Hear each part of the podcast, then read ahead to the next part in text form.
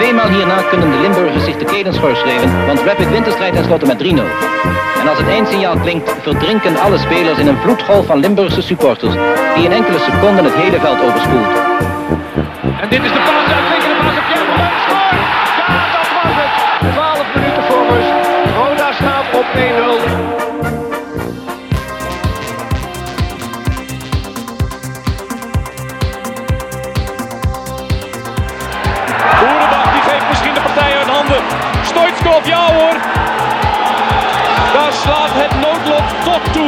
Fout van uitblinker Michel. Ja, natuurlijk. Ik ga maar niet doen of Keerkruis of of Holland of ik wat. eh, of Boeselender. Het is gewoon schitterend om te met Fries te winnen. Dat is gewoon chance. En Lijpers houdt zo verschrikkelijk hard uit. 1-0 staat Roda voor. Twee ploegen op gelijke hoogte na de wedstrijd van verleden week. En Flederis dus. Mark-Jan Flederis.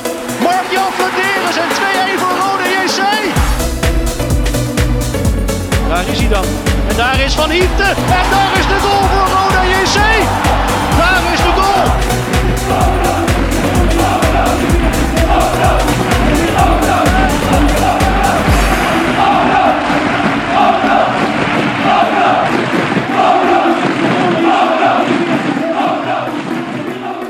Je luistert naar de Voice of Calais. Zo Bjorn, daar gaan we. Goedemorgen Rob. Goedemorgen, het is vroeg vandaag hè? We zitten er vandaag vroeg bij hè? Ja, we zitten er vandaag vroeg bij. We zitten in de Veilige Hof weer. Ja, op ons eh, vaste stekje. Met eh, ditmaal een heel bijzondere gast denk ik erop. Ja, ik denk ook gast wel van de mensen eh, blij zijn dat hij gekomen is. Omdat eh, iedereen toch wel een beetje nieuwsgierig is, denk ik. Hè? Tuurlijk. En dan moet je ook nog bedenken dat vandaag, hè, we zitten dus op maandag 2 maart, is de eerste werkdag van onze nieuwe TD Jeffrey van As. Ja. En we kunnen wel vaststellen dat we een TD hebben die weet waar de prioriteiten liggen. Want wat doet hij op zijn eerste dag? Ja, komt hij naar ons? Komt hij naar ons? Dus ja. dat daar heb je al een streepje voor natuurlijk. Ja, dat zou ik, eh, dat zou ik ook zo zeggen, zo is dat. hey, maar ehm Bjorn, coronavirus heb je nog niet? Nee, nog niet. Ik had wel een beetje keelpijn van het weekend, maar dat is alweer weggetrokken. Ja, je hem weggetrokken. Ja. Weet je het heel zeker? Eh, ik vind het een beetje overdreven. De wedstrijd ging bijna niet door, hè, vrijdag las ik, maar... Ja, ik schrik wel een beetje ervan hoe, hoe extreem mensen hierop reageren. Ik begrijp dat het natuurlijk voor eh, de mensen die zwakker zijn onder ons natuurlijk wel een, eh, een bepaald gevaar is. Maar Maar jij bent ook nergens bang voor, hè? Nou, niet voor zo'n virusje, nee. Nee, daar ben je niet Er bang. moet toch meer voor komen kijken om, Ja, eh, dat om ik. thuis te Ja, ik ken jou wat Ja. langer dan vandaag. Ja, ja, zo is dat. Hey, eh, zullen we heel even snel sponsoren doen? We beginnen met onze sponsoren, Rob. Eh Nextdoor Kapsalon Nagel en Beauty Salon aan de Locht 44A8 in Kerkrade. Ja, dan Jegers Advocaten. Hart voor weinig. Oh. Ja, even ik wou meteen waar jullie- inhaken. Waar jullie gevestigd zijn, Ruis de Ja, dat weet iedereen toch wel. Ja, weet iedereen dat. Denk je dat iedereen wel eens bij jullie op bezoek is geweest? wel. Ja, oké. Ruis de Laarnelen. Half voor weinig. Nooit chagrijnig. Jazeker. Nou, we zitten in de hotelrestaurant de Veilerhof. In het mooie Veilen. Herberg de Bernardeshoeve van Marco van Hoogdalem en zijn vrouw Danny. Dan hebben we GSL Music, www.gslmusic.com voor het hardere muzieksegment. Rapi Autodemontage aan de Locht 70 in Kerkrade. Internetgroep Limburg slash iPhone reparatie Limburg. Wouderpad 7 in Beek voor al je webdesign onder andere. Stokgrondverzet in Simpelveld. Ja, van Leo Stok hè. Dan hebben we Willeweber Keukens, de Boebegraaf 1 in Schinveld. Keukendesign voor elke beurs. Van Ooyen Glashandel sinds 1937. Kwaliteits glaszetten en reparatie dag en nachtservice. En tenslotte hebben we Quick Consulting. Dat is change management door empowerment van je medewerkers.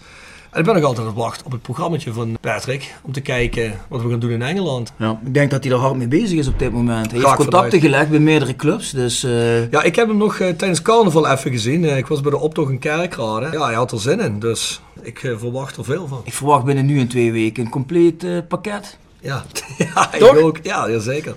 Dan hebben we weer vanaf deze aflevering kaartjes weg te geven voor Roda JC Go Ahead Eagles thuis op de 29 maart. Je kunt die kaartjes winnen en hoe je ze kunt winnen, dat zullen we nog eh bekendmaken. Hou in ieder geval alle social media in de gaten.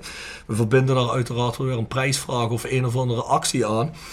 Win je die tickets niet, kun je de tickets ook kopen online bij rodajc.nl slash ticketing. Hè, kaartjes online zijn 2,50 goedkoper als dat je ze aan de kassa haalt bij het stadion zelf.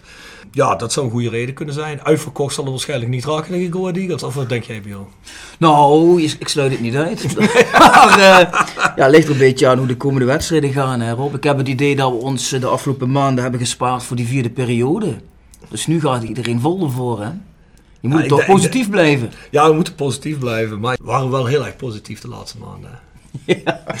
Nee, maar goed, ik hoop dat misschien nu iets geklikt is na die 5-0. Hè. Iedereen in de voorhoede heeft gescoord. Dus dat is goed, hè. Martje Reemans heeft gescoord. Martje Reemans heeft gescoord. Ja, goed om te zien. En Ike. dan, eh, Alleen Ike uh, Jordi Kroeks niet volgens mij, hè. Maar wel weer een paar assists. ja, nou ja. ja, ik had Jordi eh, nog geprobeerd te bereiken voor de podcast van morgen. Maar of hij heeft zijn nummer gewisseld, of hij antwoordt niet. Dus we moeten eens kijken. Ja, komt Had je foto van jou erbij staan? Ja, ja. Ja, misschien, heeft, misschien heeft dat zo gewerkt. weet het begint me wel wat te dagen, ja.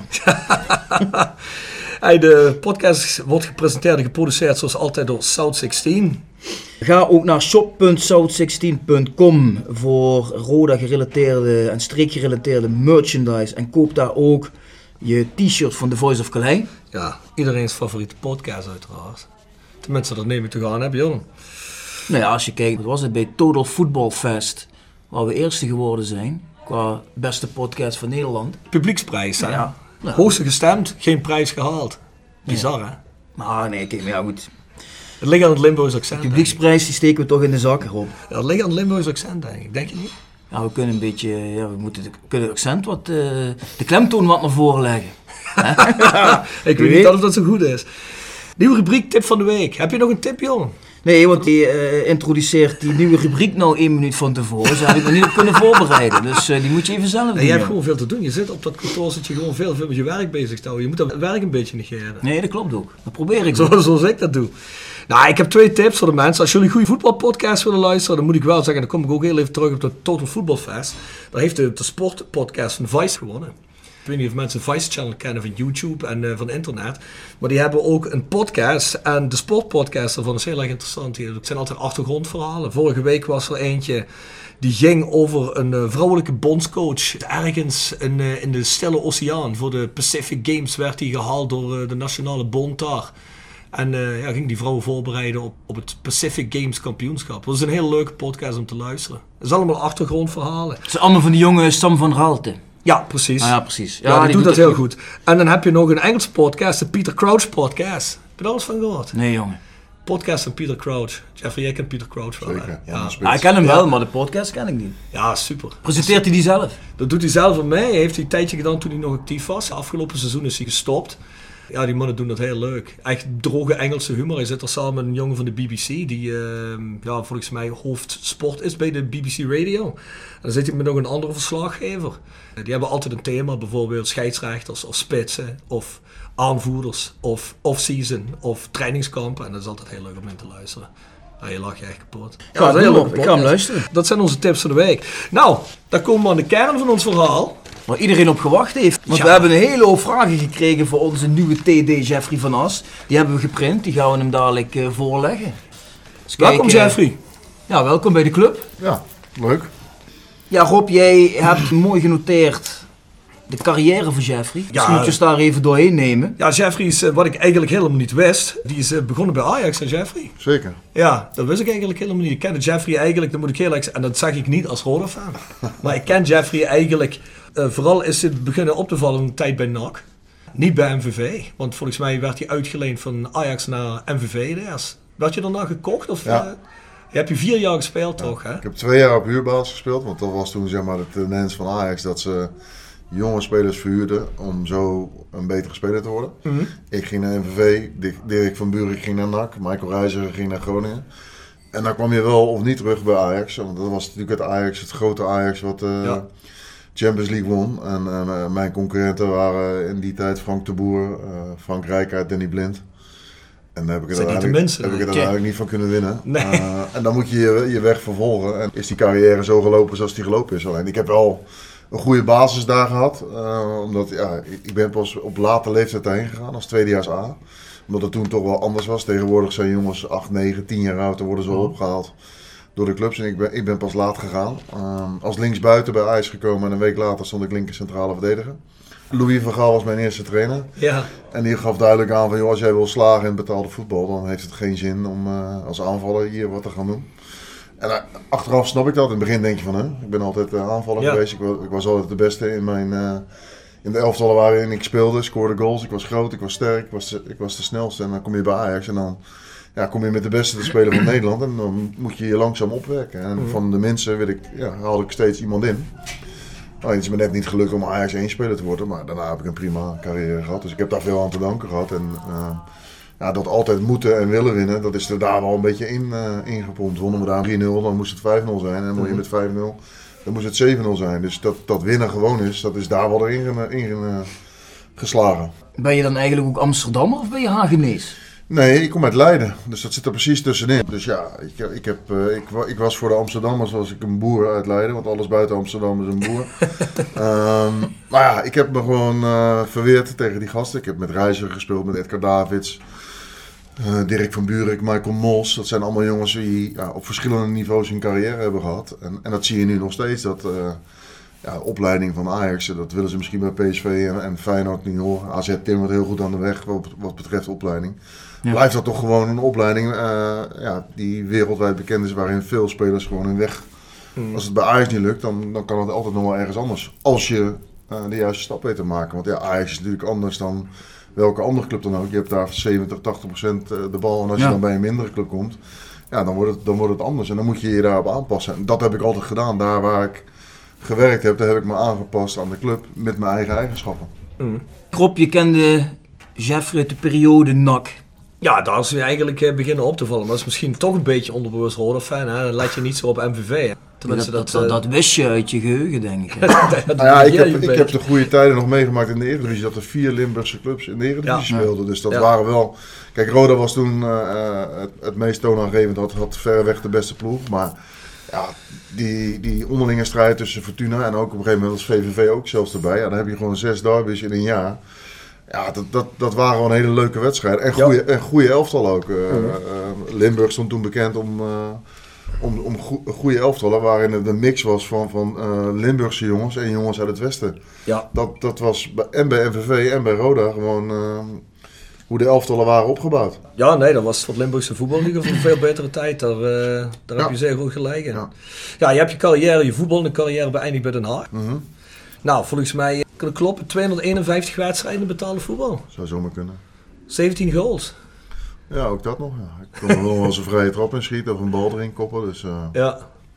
Daarna TD bij NAC en bij ADO. Is dat dan toeval of heb je dan uit je spelerscarrière goede contacten bij die clubs en die zagen dan dat je wel de kwaliteiten had om iets op directieniveau te gaan doen? Nou ja, ik, ik ben na mijn carrière bij ADO gelijk begonnen bij ADO eh, als hoofdscout. Eh, om, om, op dat moment eh, was er niks eh, bij ADO. Je had gewoon de trainer en die bepaalde met de algemeen directeur wat er gebeurde. En daar hebben ze mij toen tussen gezet. En ehm, toen kreeg ik in 2006 een belletje van Ernest Stewart. Die werd technisch directeur bij, eh, bij NAC. En hij zegt, ja, NAC is een, eh, net als Roda en ADO een lastige club om dat in je eentje te doen. Hij zegt, wat wil ik samen met jou doen als hoofdscout? Dus toen zijn we samen, hebben wij vier jaar lang eh, samengewerkt en het technisch beleid ge- gevoerd, zeg maar. En samengewerkt met een algemeen directeur en financieel directeur en, en een commercieel directeur.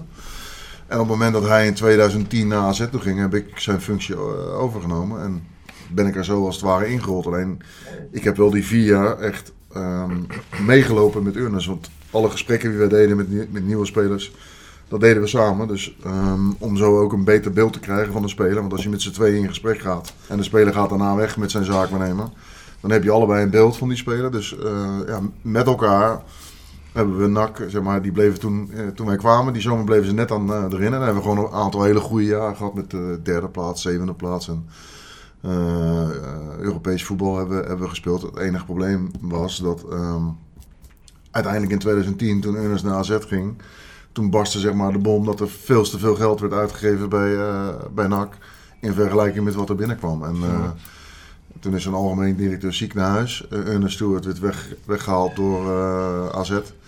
En ik kreeg de ondankbare taak om het zeg maar, op te lossen, om, om dure spelers te verkopen en eh, jeugdspelers en spelers van een lager niveau eh, in het eerste elftal te krijgen. En, en zo heb ik gewerkt van 2010 tot 2014 en ben ik een aantal keren dertiende geworden, één keer twaalfde. Eh, alleen dat was minder eh, dan de jaren daarvoor. Alleen toen konden we ons echt meten met, met, met de top 5, top 7 salarissen. En daar valt of staat alles mee. Uh, Maar kijk, in die jaren uh, heeft bijvoorbeeld Goudelje zijn uh, debuut gemaakt. En, en heeft daarna een grote transfer gemaakt naar uh, AZ. En daarna nog bij Ajax, China. En zit nu bij Sevilla. Dus je hebt wel een aantal jonge jongens op weg geholpen in hun carrière. Dat is altijd goed als er ergens financiële problemen zijn. En dat zie je nu ook bij Roda. een club die degradeert of waar financiële problemen zijn, geeft kansen voor eigen jeugd. Ja, klopt. En toen ben je van NAC ben je uiteindelijk bij ADO terechtgekomen. Ja. ja. En daar hoorde ik op tv ook zeggen dat op een gegeven moment afgelopen seizoen het budget met 6,5 ton werd ingekrompen. Mm -hmm. Ja, dat wordt natuurlijk ook een moeilijk verhaal, denk ik. Hè? Nou ja, kijk, als dat de realiteit is van de club, dan ben ik daar heel makkelijk in. Als dat moet om de club uh, uh, verder te laten gaan, um, ja, dan, dan, moet je daarmee akkoord gaan. Het is wel lastig en het is wel vreemd als je. Ik, wij kwamen natuurlijk in 2017, kwamen Fons en ik eigenlijk bijna tegelijkertijd binnen. Of althans, ik was twee weken eerder. Want ik heb Fons en Dirk Hezen aangesteld. Als je dan laatste staat en je eindigt elfde. En als je naar dat half jaar kijkt, waren we eigenlijk zesde over dat half jaar. En die wordt de jaren erop zevende en negende.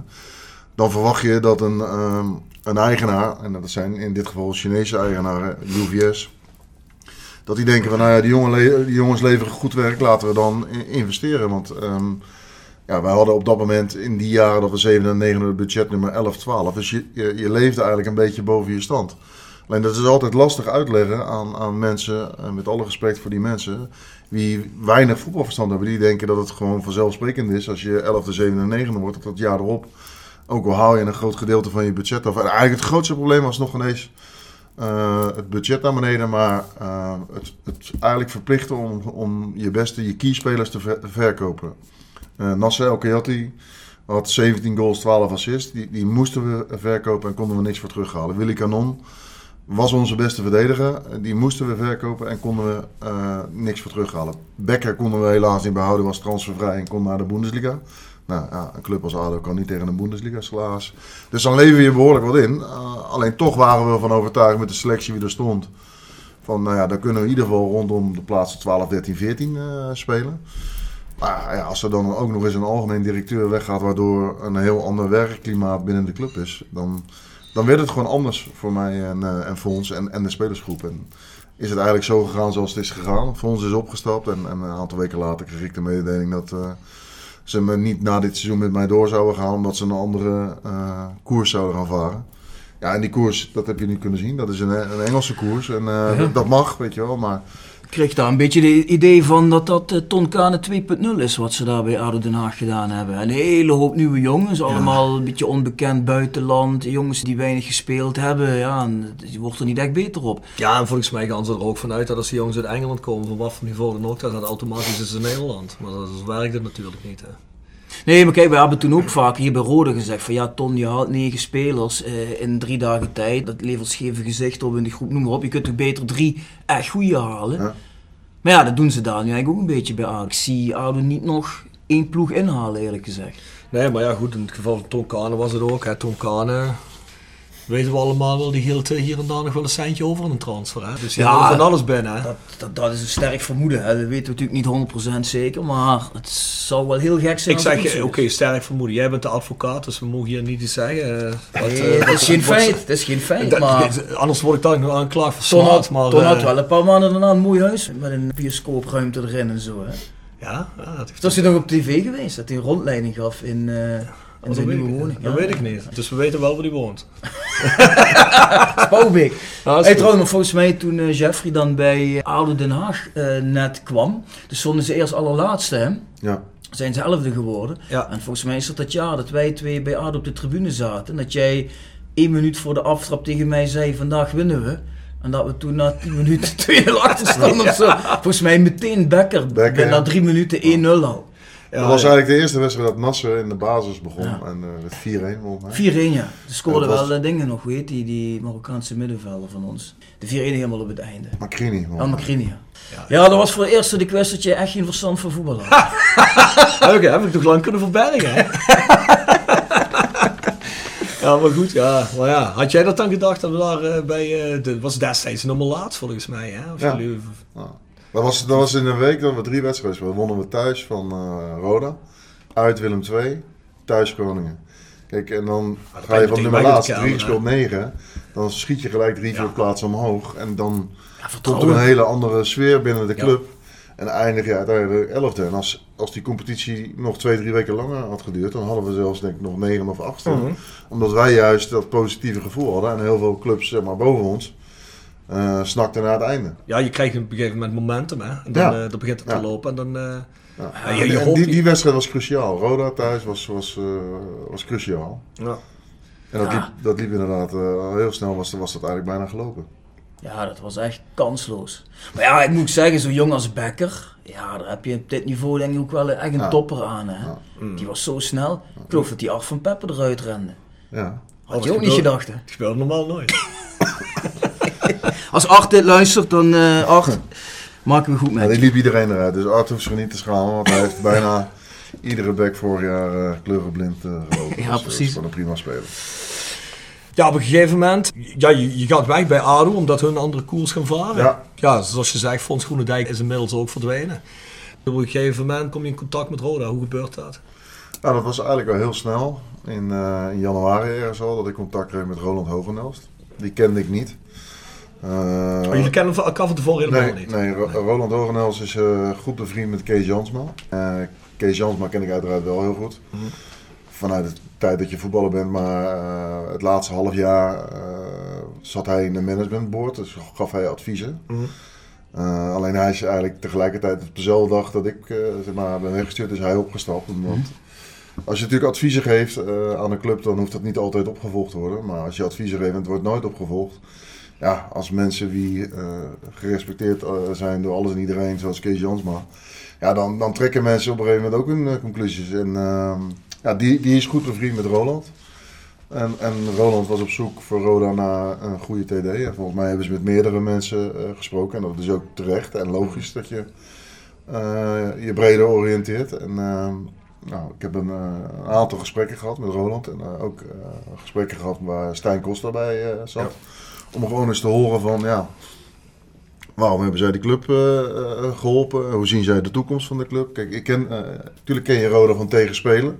Als voetballer en in de rol van TD keek ik nog steeds naar Roda altijd als eredivisieclub. Ook al weet ik dat de realiteit is 17 en nu in de eerste divisie. Maar Mhm. ehm, zo had ik dat op mijn netvlies. En ehm, kijk, het typerende is dat natuurlijk de laatste wedstrijd van het seizoen dat Roda degradeerde was eh, Roda-ADO. Mhm. Wij gingen de play-offs in voor Europees voetbal. Wij wonnen eh, in, in Kerkrade met 2-3 volstrekt tegen de verhouding in. Mhm.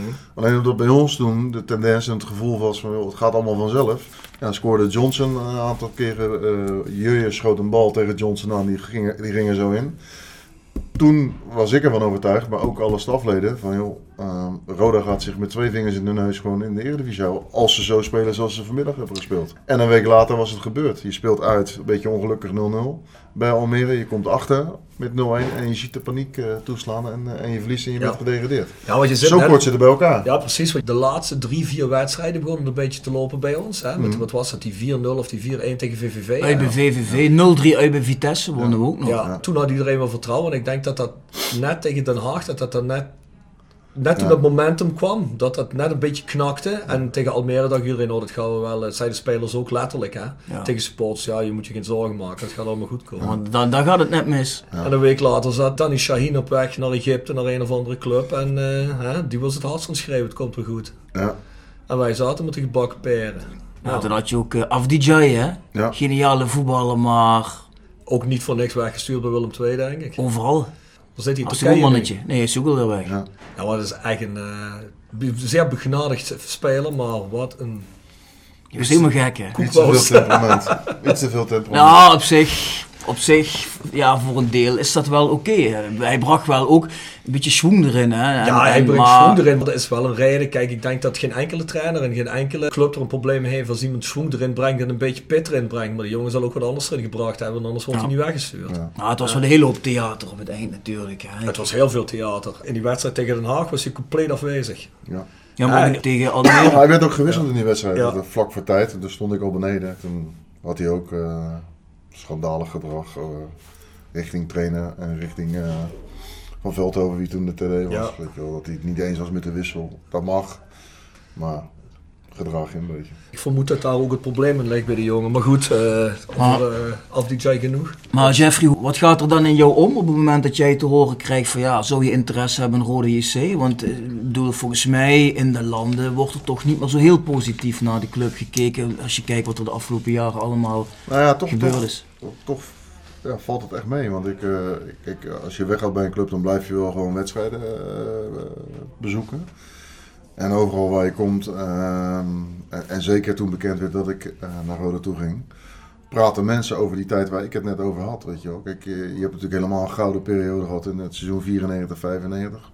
Normaal gesproken met dat puntenaantal was je kampioen geweest. Maar omdat Ajax toen een nog beter team had, is Roda dat niet geworden. Ja. Dus iedereen kijkt nog steeds naar Roda van, ehm, als eredivisieclub. Dat, is, dat komt door het stadion, dat komt door de achterban. Want als je in de eredivisie speelt zitten 13, 14.000 mensen.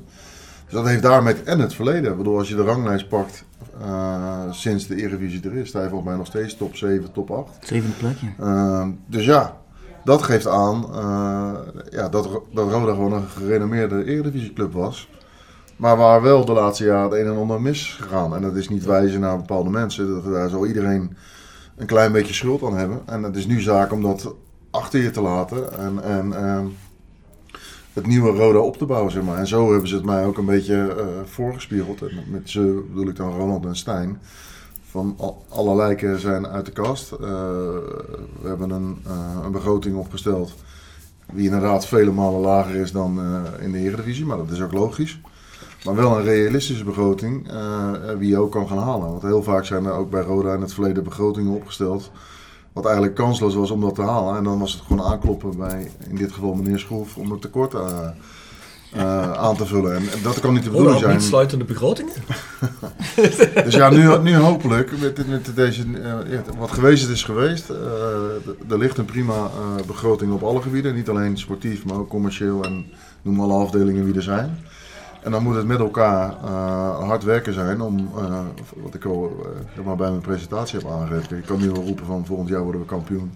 Maar dat is heel optimistisch als eh, nu 17e staat. Maar ik vind wel met het budget wat er ligt, dat, dat een top 8 positie, dat moet haalbaar zijn voor Roda. En als je eenmaal daar speelt, op top 8, dan moet je kijken hoe dan het gevoel is. Want ik, ik, ja, wat ik al zeg, ik heb eerder periodes met ADO gehad dat je op een gegeven moment boven je stand gaat voetballen en gaat leven. Waardoor je misschien wel hoger gaat staan. Maar eerst moet je terug naar de basis en, en zorgen ja, dat je niet daar staat waar je nu staat. En, en, kijk, ik heb in, in oktober nog de wedstrijd eh, Roda-NAC gezien, die met 4-2 Ja. gewonnen werd.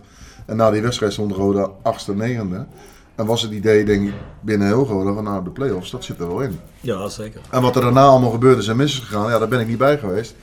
Maar ja, als je dan 15 wedstrijden op rij niet wint, dan, dan, ja, dan sta je daar waar je nu staat. Wat denk je van de huidige selectie? Want Rob en ik, we hebben hier maandenlang bij die podcast geroepen van ja, we hebben eigenlijk best wel aardige spelers. Zo slecht is die selectie niet. Ja. Er zijn zelfs mensen die nu gaan twijfelen aan ons.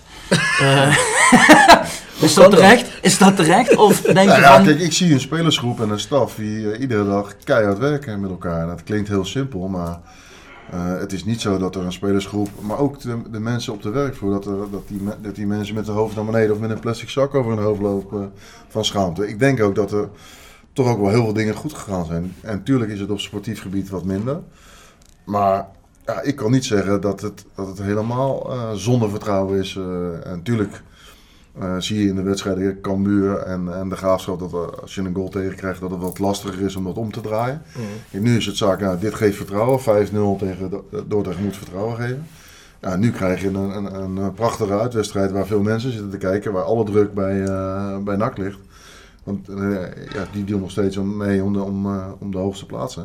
Nu kan je laten zien wat je waard bent als, als speler. Nou, er zijn wat jongens terug aan het komen. Jensen is weer fit. Ja. Ze hebben een, een switch gemaakt wat betreft de keeper, wie eh, eh, het steeds beter gaat doen. En wat je net al aangaf, kijk, eh, de vier voorwaartse zijn alle vier heel belangrijk geweest de afgelopen wedstrijd. En zo kijk ik ook een beetje naar, naar, naar voetbal. Ik ben zelf verdediger geweest. Ja, die vier verdedigers en die twee controlerende middenvelders moeten gewoon het snot achter de ogen lopen om die vier creatieve jongens, want dat zijn ze, eh, in stelling te brengen. Kijk, een aanvaller kan, zegt het al, kan goed aanvallen. En, en je moet mensen in hun kracht laten spelen. En dat is afgelopen vrijdag eh, gebeurd. En dan zal iedereen zeggen, ja, het is maar Dordrecht. Dat is ook zo. Die stonden 19e en wij stonden 18e. Maar ja, die, die 5-0 moet vertrouwen geven naar, naar zondag toe. Zij hebben donderdag nog een zware wedstrijd. eh, tegen Feyenoord. En daar zal heel veel op gefocust zijn. En Ja, logisch, ja. een, een halve finale beker, daar kijkt iedereen naar uit. Dus laten we hopen dat ze ons een beetje onderschatten. Ja, precies. Kijk, en de verschillen in de eerste divisie, met alle respect voor de ploegen die bovenaan staan. Natuurlijk, Cambuur en de Graafschap hebben de beste ploegen. Maar het is niet zo dat die iedere week met twee vingers in de neus iedereen wegvaren. Die hebben ook heel vaak wedstrijden, 93 minuten met eh, twee, drie Ja, winnen. precies. Dat is zeg maar de flow waarin die, die, die, die clubs zitten. Dat eh, Robert Muren of Ralf Seuntjes eh, het verschil eh, maken. En natuurlijk doet uh, Oekbo dat bij, bij Roda ook. Maar daar doen ze dat nog meer. Hebben ze meerdere spelers die het verschil kunnen maken. En, eh, Zitten die clubs, ik, ik snap dat je geen bedragen kunt noemen, maar zitten die clubs, eh Cambuur en de Graafschap, dan qua budget nog veel hoger? Nou, niet veel hoger. Het zal wel iets hoger zijn, maar dat verschil zal niet eh, dusdanig groot zijn dat het eh, niet te overbruggen is. Alleen, ik denk dat in de, tegenwoordig in de eerste divisie dat er altijd vijf, zes clubs zijn die ambitie hebben om te promoveren. Dat is nu zo met, met, met Cambuur, met de Graafschap, met NAC, met Go Ahead. Excelsior. Volendam, Excelsior. Dus, eh, en daar moet volgend jaar Roda ook eh, bij staan. En als ADO eruit gaat en of RKC gaat eruit, die zullen die ambitie ook hebben. Eh, Maar die ambitie moet Roda ook uitspreken. En met het budget wat er ligt, denk ik dat wij met die ploegen kunnen concurreren. Alleen dat zou moeten gebeuren door dat er weer een goed gevoel in de, in, in de club komt. En dat het niet gaat over een Mexicaan die uit het stadion wordt gezet. Of eh, eh, ah, protestacties van, eh, van supporters. Eh, Misschien wel terecht, weet je wel, naar wat er allemaal gebeurd is. Maar het moet weer gaan over voetballen en, eh, en de ploeg ondersteunen. Ja. precies. Ja, kijk, je hebt nu natuurlijk een beetje meer stabiliteit. eh begint er langzaam te komen. Hè. Als je op een gegeven moment in plaats van een interim AD dan ook gewoon een, Mhm. vast aangestelde AD krijgt. Dus wat je zelf zegt, in alle geledingen is de rust weer eh, teruggekeerd wat de afgelopen jaren eigenlijk de hele tijd fout ging. Ja. Want eigenlijk, hè, de, bedoel, de, de vis stinkt vanaf de kop. Dus als het bestuurlijk helemaal fout loopt. Kijk, dan kun je zeggen over zo'n Jean-Paul de Jong eh, afgelopen seizoen nu. Ja, het was moeilijk voor hem te werken en hij moest zich overal mee bemoeien. Ik bedoel, Jean-Paul de, de Jong bemoeide zich ook met dingen waar hij zich niet mee hoefde te bemoeien in Ja. principe. Maar ik begrijp dat dat moeilijker is. En ik denk ook niet dat je al zeggen, spelers ook, dat werd ver bij ons weggehouden. Het heeft toch altijd effect. Ik geloof niet dat als jij ziet om de club heen dat het zo onrustig is, dat jij eh, elke week even kip lekker en even goed en even Ja. mentaal goed op het veld staat, als dat het wel rustig is. Ik bedoel, die selectie op zich. Dit seizoen echt een, een goede sfeer was geweest, een goede rustige ding. Dus ik denk dat eh toch tot meer had kunnen leiden. Ik denk wel dat je... Ik weet dat we nu wel afgebrand worden, zeggen van Ja, jongens, we staan 17, nee, maar we hebben, 17, we hebben maar- natuurlijk ook wel wat, wat pech gehad met blessures van cruciale spelers, denk ik. Hè. Mitchell Keulen, Richard Jensen, Bisek vaart niet erbij. Eh, Ah, je mist wel een paar ja. cruciale posities, denk ik. Eigenlijk, Op nummer 6 Ja, heb je een groot, grote, sterke speler, hebben we natuurlijk niet. Ja, dat denk ik wel dat dat een probleem is. Ik denk dat in de as hier en daar eh, dat je wat mist. Ja, kijk, weet je wat het is? Op een gegeven moment, eh, hoe goed je spelers ook zijn, als, eh zoals Jeffrey zelf al zegt, als op een gegeven moment dat momentum een negatief momentum wordt en je, je, je wint v- 14, 15 eh, keer achter elkaar niet, ja, dan ga je jezelf twijfelen. Gaat iedereen aan zichzelf twijfelen. Dan zet maar een Messi in een slecht draaiend team. Die gaat ook een stuk minder spelen. Je bent altijd maar zo goed als het team om je heen. Hè? Dus, eh, ja, er staat nu wel de keeper in het doel die jij altijd eh, gewenst hebt erop. ja, iedereen toch, of niet? Ik denk dat ik voor de fangemeente spreek. ik, heb, ik heb nog nooit iemand gesproken die vond dat Muiters moest keepen in plaats van Novakovic. Moet ik Geen- wel- Echt geen mens. Nee, maar dan moet ik wel zeggen, Tom Muiters heeft wel dit seizoen een beter seizoen gekiept dan vorig jaar. Ja, maar er zijn nog te veel dingen geweest, met alle respect voor Tom Muiters, maar er zijn te veel situaties geweest waar je zegt van ja, die moet je gewoon hebben, die bal. Kan iedereen binnen Rode me vertellen, Tom Muiters is een beter meespelende keeper. Maar eh, als je dat nou tegen Ernst Happel had gezegd in 1982, hij kan beter, die gast is beter op de lijn en die kan beter meespelen. Wie krijgt er meer goals tegen? Ja, die meespelen. Wat had Ernst Happel dan gezegd? Zet die meespelen wel erin, want die past goed in mijn tactiek. is dat voor onzin. Ben als keeper moet je in eerste instantie ballen tegenhouden. Ja. Ja, goed, daar hebben we het al zo vaak over gehad. Hier. Als ze nou heel dicht eh, bij elkaar lag, weet je, als die kwaliteit nou... eh, ja, je weet wat ik bedoel. Ja, ik weet wat je bedoelt. Nee, maar ja, goed, kijk, Novakovic, sowieso vooral in deze situatie waar je nu onderin speelt, dan denk ik, ja, dan heb je een jong talent. Laat die jongen dan eh rijpen en minuten maken. Wat heb ik dan nou aan die keeper van 35 jaar? Ja, ja want Chef, dat komt op een goed punt. Wij zijn een beetje van mening nu. Ik weet niet of je die mening deelt, of dat je er veel over kunt zeggen, maar we hebben zoiets van, ja, het seizoen, je hebt natuurlijk nog een periode, maar Ja. we- ik denk dat ik heel realistisch ben en dat denk van, die gaan we waarschijnlijk niet halen. Ja, wij hebben zoiets van, ja, je moet eigenlijk nog met je team bezig zijn, ook op het veld voor volgend seizoen. Laat die jonge jongens die talent hebben, Ja, want er zijn er een aantal geweest helemaal niet in de bak meer kwamen bij Jean-Paul de Jong. Ook mede door de tactiek die hij had, spelen 4-3-3, nu met 4-4-2. Ja, komen de jongens beter uit de verf. Een Nicky Soer speelt weer, een Martje Reeman speelt weer. Ehm, of dat nou de allerbeste spelers zijn in selecties tot daar aan toe. Maar dat zijn wel jongens waar je potentieel volgend seizoen misschien meer aan hebt. Dat is andere jongens die erbij staan. Kijk, zo'n Ike Ugbo, die zal waarschijnlijk naar deze, dat weet jij beter als wij waarschijnlijk, maar die zal waarschijnlijk niet terugkeren. Als hij terug gaat naar Chelsea dadelijk. Misschien wel, wie weet. Ehm, dan hebben ze Tom Muiters, die is, wat was hij, 35? 35. Ja, dan heb je een talent heb je op de bank zitten als keeper. Ja, we hebben zoiets van, ja, je moet nou met die jongens gaan werken waar je misschien volgend seizoen mee verder wil. Ook al, hè? Dat je een Ike Ugbo niet op de bank staat, lijkt me ook duidelijk, maar toch. Nou ja, ik, ik vind dat je altijd met je beste elftal eh, moet spelen. En natuurlijk moet je wel kijken naar, de- naar de toekomst. En eh, de verschillen tussen eh Novakovic en eh, Tom Muiters, ja, die zijn niet zo groot. De een heeft wat meer van dit, hoe je hem omschrijft, dat is prima. Dus daar, daar, daar, heeft, eh, daar hebben we een keuze in gemaakt door daar een switch te doen. Nou, afgelopen wedstrijd stond uh, Mart weer een beetje vanaf links, hangend vanaf links. Jij noemt het 4-4-2, maar ik vond het nog steeds 4-3-3 met Albert gewoon echt als nummer 10. Ja. Dat is ook een nummer 10 in Ja. mijn ogen. En natuurlijk kan hij ook wel eh, hangend op links eh, spelen, maar eh, ik vind hem een nummer 10. En eh, ja, kijk, als, Heeft als Roland trouwens nog in jouw tijd als TD gespeeld met de naam? Nee, nee, toen was hij al weg naar eh, Amerika. Naar Amerika. Ja. Ja. Maar ook daar heeft hij gewoon een hele eh, goede periode gehad. Heeft Ja. veel goals ge- gescoord. Alleen je zal bij hem, eh, dat, datgene wat hij niet heeft, dat zal je moeten ca- camoufleren. Mhm. En dat, dat is nou helemaal zo. En, en, en, en als dat camoufleren niet meer lukt omdat hij te veel laat lopen, ja, dan moet een trainer en een staf hem, hem wisselen. Of misschien wel even hangend links zetten dat een ander eh, wat harder werkt. Dat was het wat met name vrijdag was. dat die vier voorwaartsen, Kroeks, Oekbo, Reemans en, en Alberg een plaag waren voor de verdedigers van, van Dordrecht.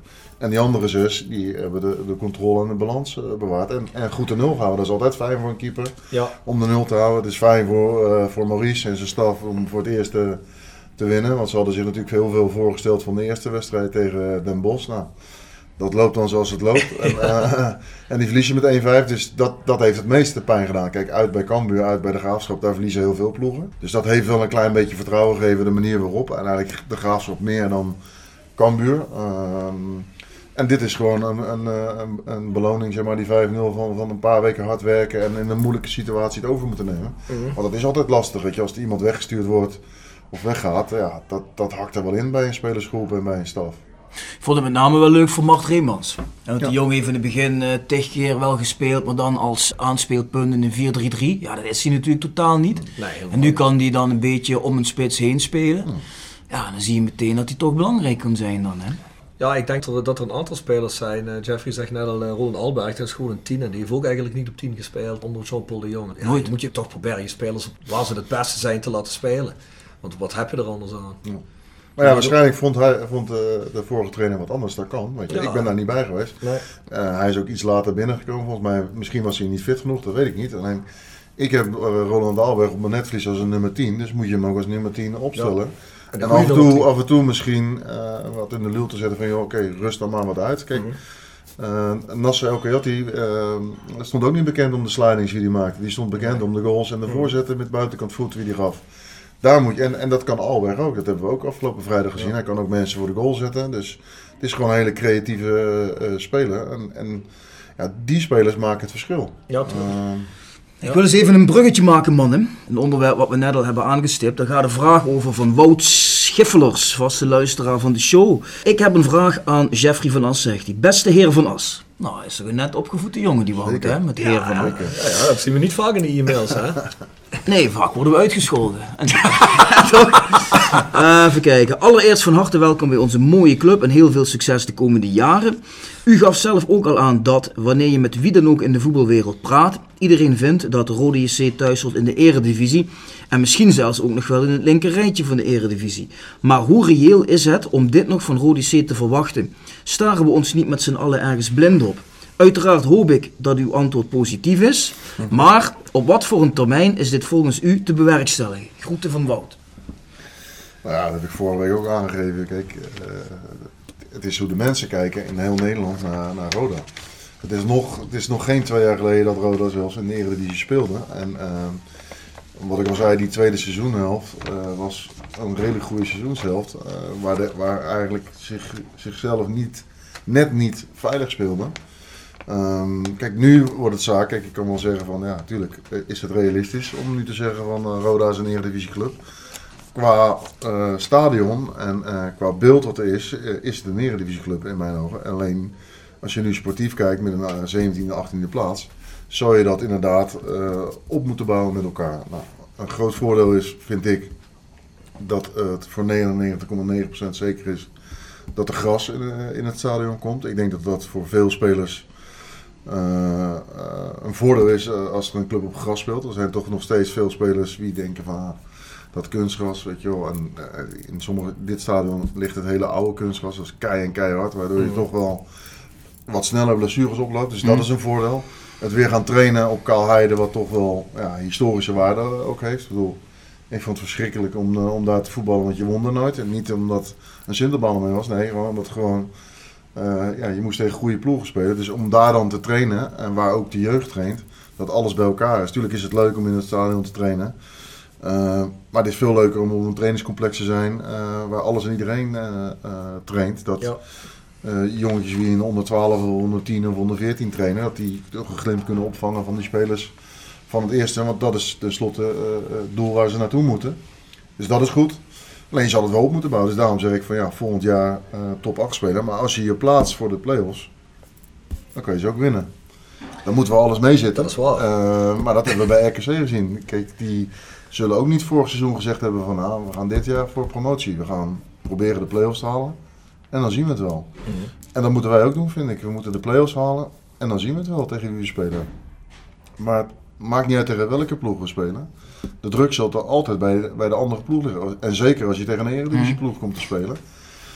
Daar zal de druk liggen. En eh, ja, dat is een beetje hoe ik de, de insteek heb. Van nou, top 8 spelen. En als je daar eenmaal staat, dan kan je gedurende het seizoen misschien wel je ambitie omhoog. Maar eerst zorgen dat je eh achtste staat. En als je dan plaats 7 dicht in de buurt hebt, dan ga je zeggen, ja, nou, top 7 spelen. Sta je zevende, top 6.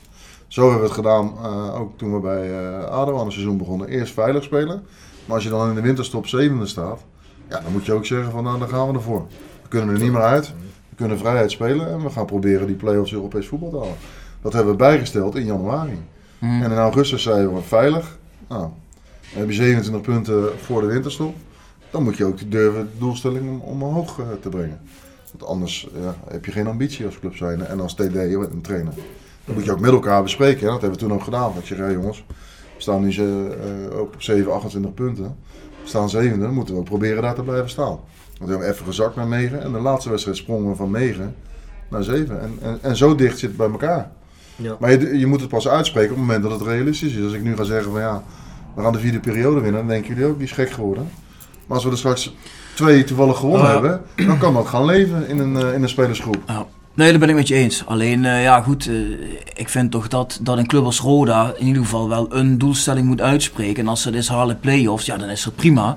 Maar we hebben hier ook natuurlijk wel eens gehad dat er geroepen werd van ja, het is nou allemaal moeilijk. En we moeten misschien in die keukenkampioen-divisie eerst even in de middenmoot. Of het dan nog de tijd van Harm was. Ja, daar springt natuurlijk ook geen ambitie aan. Daar worden de Nee, mensen ook niet warm voor. Nee, maar dat wil ook niemand horen. Kijk, met de status die Roda heeft als club moet jij volgens mij altijd proberen op zijn minst voor iets te spelen. We hebben het niet over dat we Champions League gaan spelen. We hebben het over dat we in de play-offs willen landen van de eerste divisie. Als we dat al niet meer als een PC hebben, dan kunnen we net zo goed derde divisie gaan spelen. En helemaal nergens meer in promoveren. Want dan, ja, wat doe je het dan voor? In de eerste divisie moet Roda eigenlijk altijd... Kijk, Jeffrey zal me daar eh, waarschijnlijk in tegenspreken. Maar eigenlijk moet je altijd spelen om te promoveren. Sowieso. Dus wat Jeffrey net zegt, de budgetten liggen allemaal niet zo heel ver van elkaar. Ja, als Den Haag eh, degradeert, zal het een hoger budget hebben, eh, misschien ook komend seizoen. Voor de rest liggen het allemaal kort bij elkaar. Het is gewoon een, een kwestie van, eh, en daar hebben we het ook in deze podcast al honderd keer over gehad, een kwestie van juiste spelers halen. Spelen een aantal jongens bij Cambuur en ook bij andere clubs. Die zijn ook gedeeltelijk bij Roda aangeboden. Ik bedoel, zo'n Cyril Dessers is ook bij Roda aangeboden. En heeft Roda gewoon gezegd, die hebben we niet nodig. Nee, maar toen hebben wij Nestras Mitides gehaald. Hoor. Ja, dat was een Ken je die. Jeffrey? Nestras Ja, Mitides. Ik heb wel die naam eh, gelezen, maar hij heeft weinig gespeeld. Het is wel een goede reden waarom je die niet kunt, geloof ons maar. Dus, eh, Ken je, ken je, Ja, ja, kijk, er zullen ongetwijfeld eh, een hoop dingen gebeurd zijn ja, wat, wat niet meer moet gebeuren. Ik, Nou, ik- ben een teamspeler, dus kijk, eh, de scouting is daarin heel belangrijk. Dat is Toon van Mierlo. Ja. Eh, een trainerstaf is daarin heel belangrijk. En, eh, het zal niet gebeuren dat er bij Roda een eh, speler gepresenteerd wordt eh, die niemand eh, eh, kent. Of waarvan iedereen zegt van wie is dat? Weet je, waarom, waarom heb je dat niet gedeeld? Ik ben iemand die alles deelt. Dat er Ja. af en toe ook eh, aspecten aan een Roda-speler of aan een naspeler zitten die niet zo goed zijn. Ja, dat is altijd. En dan moet je met elkaar Zeker. zeggen van oké, deze speler die kan dat wel, die kan dit niet. Doen we het ja of nee? En dan kan iedereen zeggen wat hij. En dan besluit je met elkaar van nou, we doen het wel, we doen het niet.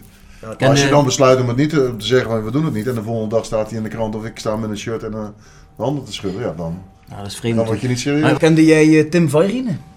Nee, kende ik niet. Ik heb hem wel zien spelen. Hij Heb, jij hem heb jij hem zien spelen? Vorig jaar heb ik hem een keer in de tweede je, daar heb je net een goede wedstrijd heb je te pakken gehad. Oh, de tweede. Ja, maar dan mislukken altijd spelers. Ik heb ook spelers gehad bij ADO en bij NAC die niet gelukt zijn. Het gaat Ja. erom dat je een groep neerzet van 22, 24 spelers waarvan iedereen weet van dat is mijn rol. En de kracht Ja. bij ADO in de, in, de, in de goede jaren was dat zelfs de bankzitters hadden vrede met een plek op de bank. Ja. Omdat ze zagen van oké, dat middenveld met eh Coyote, Immers, Bakker, dat staat. Voorin eh Becker als rechtsbuiten en, en Johnson in de spits en op links deden we nog wel eens wisselen. En achterin hadden we inderdaad Beugelsdijk en eh, Kanon. Dat waren niet de beste voetballers, maar die hadden we niet opgesteld om eh, dubbele scharen te maken. Maar die hadden we opgesteld om gewoon die spits in twee te Tuurlijk. schoppen en Ja. geen goals te, tegen te krijgen. En, en je moet een, een situatie creëren in de kleedkamer dat iedereen tevreden is met zijn rol. En natuurlijk, een wisselspeler moet altijd teleurgesteld zijn als hij niet speelt. Maar hij moet niet vervelend zijn. Ja. Eh, Nee, maar ik denk wat een jij net zegt, dat dat vrij logisch is. Maar toch is dat bij ons hele lange tijd niet gebeurd. Dat bijvoorbeeld een, een, een TD met een speler op de proppen kwam. Waarvan de scouting zei, ja die hebben we zes keer bekeken. Moet je echt niet doen, om die en die reden. Ja. En toch werd hij dan gehaald. Ja. Ja. dat is natuurlijk een beetje een rare situatie. Dus ja, je moet ervoor zorgen dat ik en de trainerstaf en, en de scouting goed op één lijn zitten. En dat je intern, weet je wel, en als je met elkaar in de kamer zit, af en toe discussies hebt over spelers. Dat kan. En op het moment dat je naar buiten gaat, dan weet je van nou, die speler gaan we wel halen en die speler gaan we niet halen. En dan moet je het ook allemaal ondersteunen. En niet degene die dan de twijfels had als zo'n speler wat minder presteert, zeggen van ja, zie je wel, ik had toch gezegd, we hadden het niet moeten doen. Je moet ermee aan de slag. Weet je? Ik bedoel, spelers wie je haalt, daar moet je mee gaan trainen en moet je mee aan de slag en beter maken. Ja. En bij de een gaat dat wat beter dan eh, bij de ander. Nou, je moet, zorgen, je moet het optimale uit je spelersgroep zien te halen. Dat is eigenlijk de grootste kunst eh, van een trainerstaf samen met mij en, eh, en, eh, en scouting. Dat je jongens, de ene keer moet ik een jongen een aai over de bol geven of een stomp voor zijn hartjes als hij niet goed genoeg zijn best doet. Maar dat moet je ook afstemmen met elkaar, dat je, dat je weet van elkaar wat je doet. Ja, voetballers zijn net mensen, die hebben ook af en toe een aai over de bol nodig. Want ja, het, Ja. Is, het is af en toe be- best lastig. Trouwens, over trainerstaf gepraat. Gaan wij het seizoen afmaken met Maurice van Berne? Of... Nou ja, als je de, de, de, de regels erop naslaat, dan, dan mag dat niet. Want er moet iemand zijn eh, met het juiste diploma. En eh, nou, er is niemand binnen de club die dat juiste diploma heeft. En eh, ja, ik vind dat wij ons aan de regels moeten houden. Het is ook niet helemaal duidelijk van krijg je boetes of krijg je allerlei sancties. Dus we, ja, we zijn aan het kijken of we een trainer kunnen toevoegen met het juiste diploma, wie past bij deze staf. Want eh, de- deze staf heeft het natuurlijk overgenomen. We werken heel intensief met elkaar. Daar is alles en iedereen eh, tevreden over. Van spelers tot aan directie tot aan alle mensen op de werkvloer. Dus ja, daar moet je niet te veel veranderingen eh, in brengen. Dus dan moet je iemand aan toevoegen wie daar nou, een klein beetje extra kan geven. Maar kijk jij dan al in dat opzicht naar iemand die volgend seizoen ook er staat? Of iemand die alleen maar oplost voor de laatste acht wedstrijden? Ehm, ja, in principe iemand die oplost voor de laatste tien wedstrijden zijn er nog. ja. Ehm, om, omdat, Hopelijk ja, meer. Ja, ja, dat weet je nooit. Dat weet je nooit. Ja. Want ik bedoel, Denemarken is ooit Europees kampioen eh, geworden en die zaten op de camping eh, met elkaar precies. al. Ja. Dus daar, daar- laten we daarop hopen. Maar ehm, ja, we hebben nu eigenlijk iemand nodig wie, eh, wie het juiste diploma heeft. En dan ja, wil ik van de zomer eigenlijk beginnen met het eh, nieuwe Roda, zeg maar, onder een nieuwe trainer. Nou, daar is een vraag over gekomen, onder andere van eh, Marcel Klomp-Arends, Roda supporter uit Oostenrijk. En die wilde graag weten, althans hij betwijfelt of er trainers zijn die voor slechts 10 wedstrijden willen instappen. Nou, dat is best wel lastig natuurlijk. Eh, en ook nog eens eh, als je spelers met, of trainers met kwaliteit wil hebben, dan is dat best lastig. Maar ja, dat is aan ons om dat voor elkaar te krijgen. En eh, ik denk dat het moet, eh, moet, moet gaan lukken om eh, iemand te vinden wie past bij de staf wie er is. En eh, wie meegaat in de weg wie ingeslagen is een aantal weken geleden. Die moet er zijn voor zondag, geloof ik dan toch? Na zondag. Na zondag. Ja. Hmm. Nou, dan heb je nog anderhalve week de tijd, hè? Ja, nog wel. Ja. ja, ja het opschiet hier zo, want het is het met tijd te verdoen. Nou, misschien kunnen we Boetje nog eens eh, bellen. Zou dat geen optie zijn? René Troost. René Trost. Nou, die heeft het ene seizoen eh, bijna moeten betalen met zijn leven, dus... eh, Ja. Maar hij is natuurlijk wel daarna nog in België aan de slag gegaan. Dus ja, is hij. Ja, was, eh, liep dan ook een beetje uit op een teleurstelling, hè? ja. Die Ja. gewoon in slag was en toen op een gegeven moment eh ontslagen werd. Klopt. Ja, goed. Ik wil even overstappen naar... Oh ja, dat, dat sluit daar misschien wel op aan. Ehm, René Reuters. Die ken je ook wel, hè? Ja, zeker. René Reuters. Nee, zeker. Ja, hij begint met een stelling, ja, die, die onderschrijf ik wel. Hij zegt, om te beginnen, sinds de aanstelling van Jeffrey kan ik beter omgaan met de reeks nederlagen in dit rampzalige seizoen. Er is simpelweg weer licht aan het einde van de tunnel. Nou, kijk aan. Kijk Jeffrey, je zorgt voor licht aan het einde van de tunnel. Nee, maar ja, dat is inderdaad wel zo. En dat je op het moment dat wij een TD aanstellen, had je wel zoiets van, hè, hè, eindelijk kunnen we nou naar de toekomst gaan kijken. Ja. Dus dat zal René ook bedoelen. Ja, René die stipt iets aan, want wij hebben in de wandelgangen gehoord dat jij ook wel eh, goed contact zou hebben met Ruud Brood. Dus René vraagt zich af, is Ruud Brood met Regilio Vrede een optie als nieuwe trainer? Nou ja, kijk, er zijn natuurlijk al heel veel trainers gelinkt aan mij. Uh, Fons Groenendijk was daar de eerste in. Ehm, en, en Ruud Brood heb ik natuurlijk ook meegewerkt bij, eh, bij NAC. Toen was, heb ik nog meegevoetbald zelfs. Toen is hij, eh, omdat hij iets ouder is dan ik ben, eh, op een gegeven moment trainer geworden van het tweede elftal. Dus ja, ik ken Ruud al vanaf 96 toen ik bij NAC mee gaan voetballen. Dus ja, eh, kijk, je kan heel veel trainersnamen eh, nu noemen. eh, maar het heeft geen zin om daar op, op te antwoorden nu. Om- omdat we in alle rust nu eh, eh, aan het werk zijn om, om iemand toe te voegen. Zodat we het juiste diploma hebben, dat we op een juiste manier het seizoen kunnen afmaken. En wie er dan in de zomer trainer wordt, ja, dat, dat zal een trainer zijn die bij mij past. En eh, bij de mensen die er al zijn past. En gewoon in alle rust eh, gaat werken om Roda geleidelijk aan terug te brengen daar waar het hoort. René, we moeten nog wat geduld hebben, kerel. Jeffrey gaat het nou niet loslaten. Nee, ja, dan zou jij het dan loslaten nu meteen? Nee, natuurlijk niet. Maar ja, we kunnen het even proberen, hè? Tuurlijk. Nee, ja, dat kun je, ja, kun je krijgen had toch, probeert te schudden aan de bom of er iets uitvalt. hè? Dat weet je niet, hè? Jeffrey, er zijn veel mensen die vinden, behalve dat het op het veld natuurlijk niet zo denderend gaat. En daarom eh, blijft natuurlijk een gedeelte van de mensen weg. Maar veel mensen die wij persoonlijk kennen zeggen nou, ik kom eigenlijk recent niet meer kijken of de afgelopen jaren. Omdat ik vind dat de, de ziel uit de club is. En dat heeft veel te maken met, er zijn heel veel mensen weggestuurd bij Roda de laatste jaren. Er zijn ook veel mensen waar jij waarschijnlijk nog tegen gespeeld hebt. Hè? Oude jongens zoals, eh, Gerry Sande en eh, vroeger tijds hebben Mark Luipers. En dan heb je nog een hele hoop van die jongens. Misschien heb je er wel eens van gehoord, heel veel van die jongens hebben zich georganiseerd in Roda 2.0. Nou, die hebben eigenlijk een bepaald idee over hoe hun denken dat als clubjongens Roda, eh, ja, ik weet niet gerund, maar wel een bepaald beleid zou moeten voeren. Neem jij dat nog mee in je technisch beleid dat je zegt, ja, ik vind wel dat er plaats moet zijn voor dat soort jongens, ja of nee? Eh, in wat voor rol dan ook. Kijk, jij doet zit alleen in technisch beleid natuurlijk, het Ja. veel technisch beleid. Ja. Wij vinden persoonlijk dat er wel jongens bij de club betrokken moeten worden. Of dat nou per se bij technisch beleid is, dat kan ik niet zeggen. Want ik weet niet eh, wie waar op zijn plek zal zijn. Eventueel. Maar in het algemeen bij een club. Ik weet even niet hoe het bij ADO en bij NAC zat. Maar veel van die jongens die eigenlijk eh, ook de ziel van de club vertegenwoordigen. Zijn eigenlijk weg, maar dan heb ik het ook over ex-personeelsleden als die heel lang Ja. aan de club verbonden waren. Nou ja, bij alle clubs waar ik gewerkt heb, had je altijd oud-spelers. Of op het gebied van commercie of in de jeugd.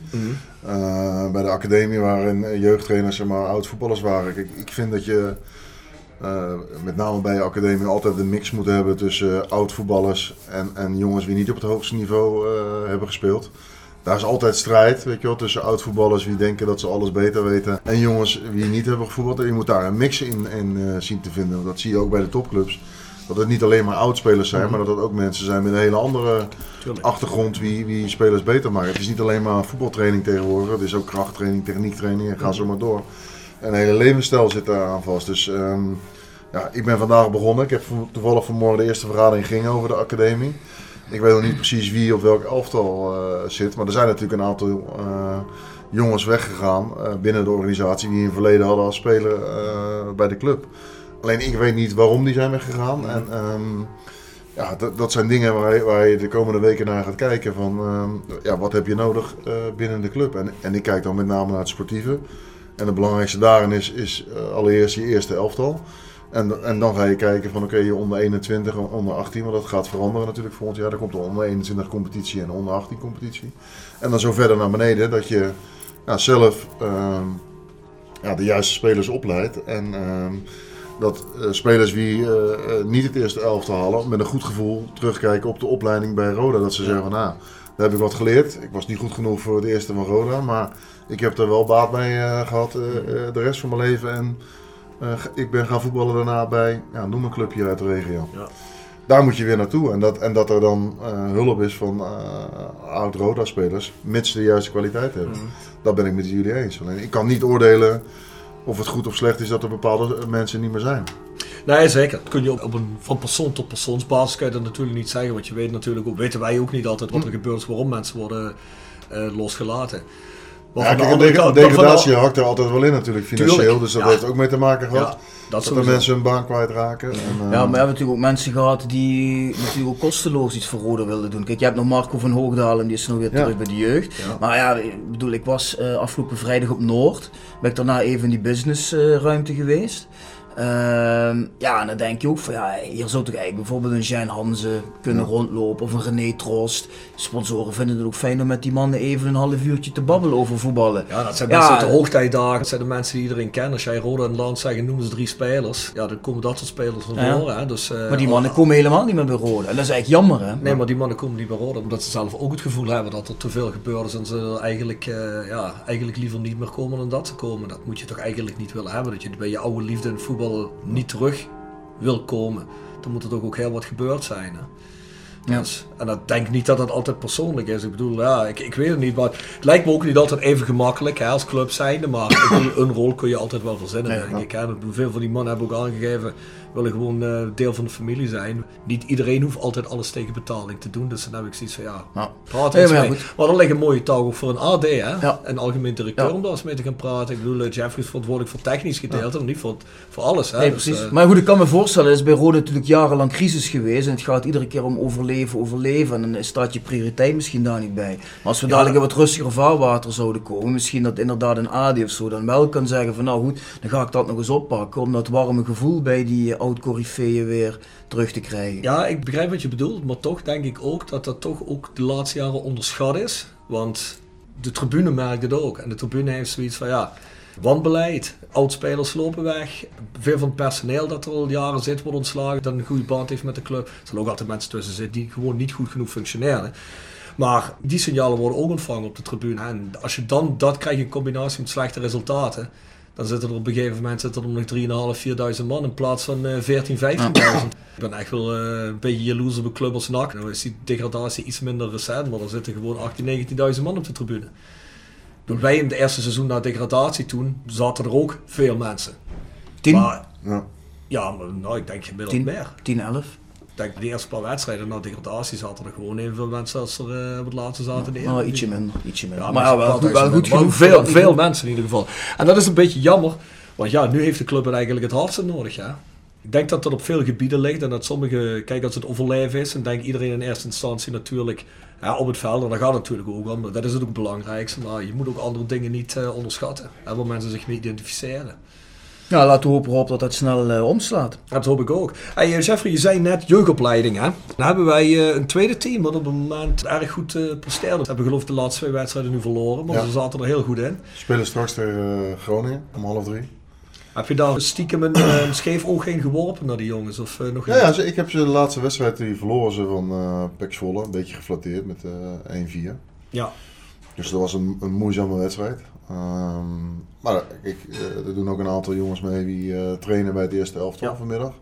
Dus natuurlijk kijk je daar eh, met een schuin oog naar. En laat je ook adviseren door de mensen die deze spelers al langer kennen. Mhm. Ik bedoel, ik ben ook zo van als ik nieuw kom, natuurlijk heb ik een bepaalde mening over een speler. Maar als andere mensen mij overtuigen van joh, daar zit nog rek in, daar, daar Mhm. moeten we mee doorgaan.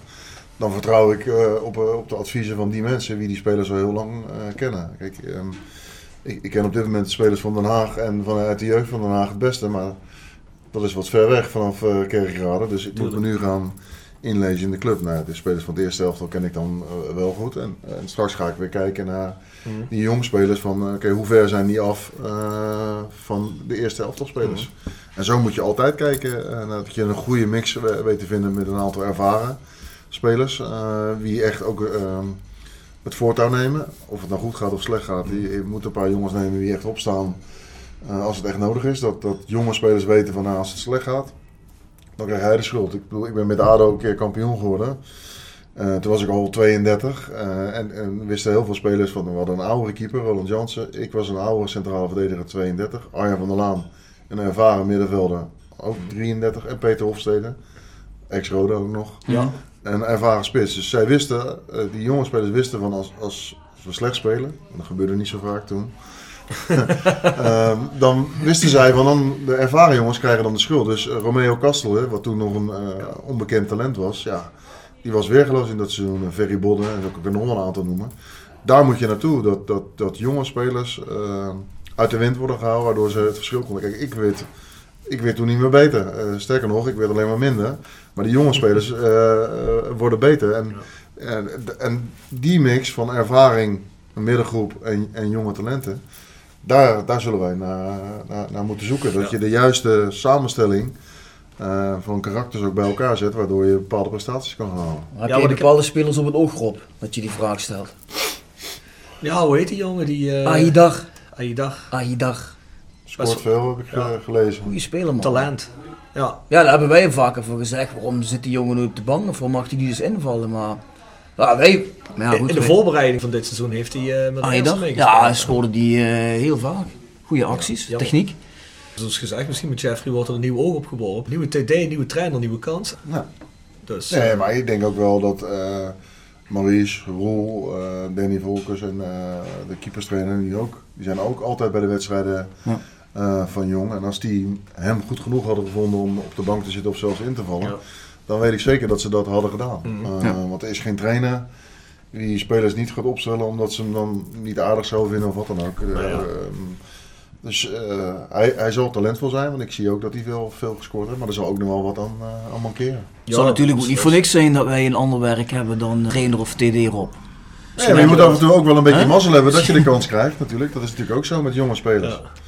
Maar Hey. als ik nu naar de selectie kijk, zijn er toch wel behoorlijk wat spelers die eh, al langer bij de club zijn. En ook een opleiding hebben gehad, werken. Uh, Reemans. eh, dus er zijn wel eh, spelers wie, de, wie er eh, eh, in de selectie zitten, wie er tegenaan zitten. Ja, zeker. Keeper, Ja, je komt uit- keeper komt uit eigen opleiding. Slussen Ja. komt uit eigen opleiding. Dus je hebt, je hebt denk ik wel 6, 7, 8 jongens Ja. die er tegenaan zitten. Eh, ze hebben mij verteld dat een talentvolle linksback is, die wat blessures heeft gehad, Keulen. Keulen, ja. Die ken ik zelf niet. Maar die wordt ook gezien als een talent. Alleen fit blijven, dat hoort ook eh, Tuurlijk, ja, die heeft maar één eh, wedstrijd gespeeld. bij, bij een profvoetballer. Dan Ja. kan je heel goed zijn in de jeugd. Maar het gaat erom dat je als senior goed bent. Dit seizoen was natuurlijk het seizoen waar veel van die jonge jongens het ook echt moesten gaan doen. Want je, ja, je zit gewoon budgettechnisch zat je tegen, tegen de grond aan. Alleen wat je wel merkt dit seizoen, dat merk je vooral in die wedstrijden waar het dan moeilijk wordt. En waar je in een neerwaartse spiraal terechtkomt qua zelfvertrouwen. Dat je eigenlijk geen oude jongens erbij hebt. Hè, dus een jongen van een jaar of 30 misschien, of 31, 32. Ja, die team bij het nekveld pakken en zeggen zo, en nu wil droppen erover, jongens, kom op. En dat hebben ze eigenlijk wel een beetje gemist dit seizoen, vind ik. Ik had laatst een gesprek met iemand en ik zeg, wat let je eigenlijk als je toch, en dat zul jij veel beter weten als ik, Jeffrey, maar wat let je eigenlijk als je toch spelers huurt, soms voor een seizoen, omdat je budgettechnisch niet anders kunt, wat let je dan? Om misschien niet één, twee jongens te halen met wat meer ervaring. En zeker ervaring met daar te spelen waar we nu spelen. In zo'n yo-yo club die eh, veel degradatie hebben gespeeld, veel promotie hebben gespeeld in die play-offs. Die weten hoe het loopt. Je moet toch een bepaalde vijver vissen. Ja. Als je alleen maar jonge jongens hebt lopen, lijkt me toch ook niet helemaal... eh, Want ik mis dat wel een beetje, iemand die, die, bij Ja, die nu team bij het nekveld pakt. Zo'n type Oegur Inseman, hè. Je hebt nou Robert Klaassen, waarvan je dan denkt, die heb je gehaald voor de ervaring of zo. En als je gaat kijken, is die ook pas 5, 26. Ja, je hebt wel een 30 als Tom Muiters. Ja, daar ben je altijd fan van, Rob. Ja, die ervaring heeft natuurlijk vijf jaar geleden. Toen je verloor je thuis, daar was ik bij, die wedstrijd eh, met 0-1 van NAC. Ja, Ja, En eh, Ook, ja. uit in, eh, in Breda eh, maakte met name de ervaren jongens, eh, Van Hiefte, Ja. eh, Paulussen, was, was toen nog een jong talent. ja. De Moesje eh, van Ja. Peppe was daarbij. Zeer zeker. Ehm, dus ja. Die jongens na, maken na, dat, ja. na Ja. dat type Roda moet, moet je terug. Ehm, Anko Jansen. Ja. Ja. Voelt het altijd goed bij me nou, hè? Ja, zeker man. Ja. Hey Jeffrey, even wat anders. Heb je al kennis gemaakt met José Maria Fernandez Rubio? Ja. Ja, daar gaan een ook groot aantal vragen over, want toevallig eh, hebben wij die jongen vorige week in de podcast gehad.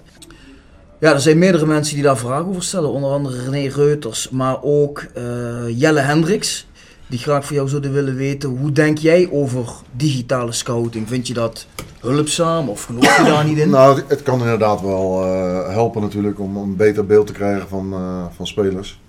De vraag blijft uiteraard eh, zo van, eh, is dit het juiste moment dat Roda eh, een datascout in dienst heeft genomen? Ja, daar kan je je vraagtekens bij zetten. Alleen, hij kan er niks aan doen dat hij daar is neergezet. Eh Twan van Milo heeft daar het beste beeld van. Ehm, en, en hij heeft wel degelijk bepaalde inbreng gehad met het halen van spelers. Alleen is nu eigenlijk te kort dag om te zeggen van of dat wel past of niet past bij, eh, bij Roda.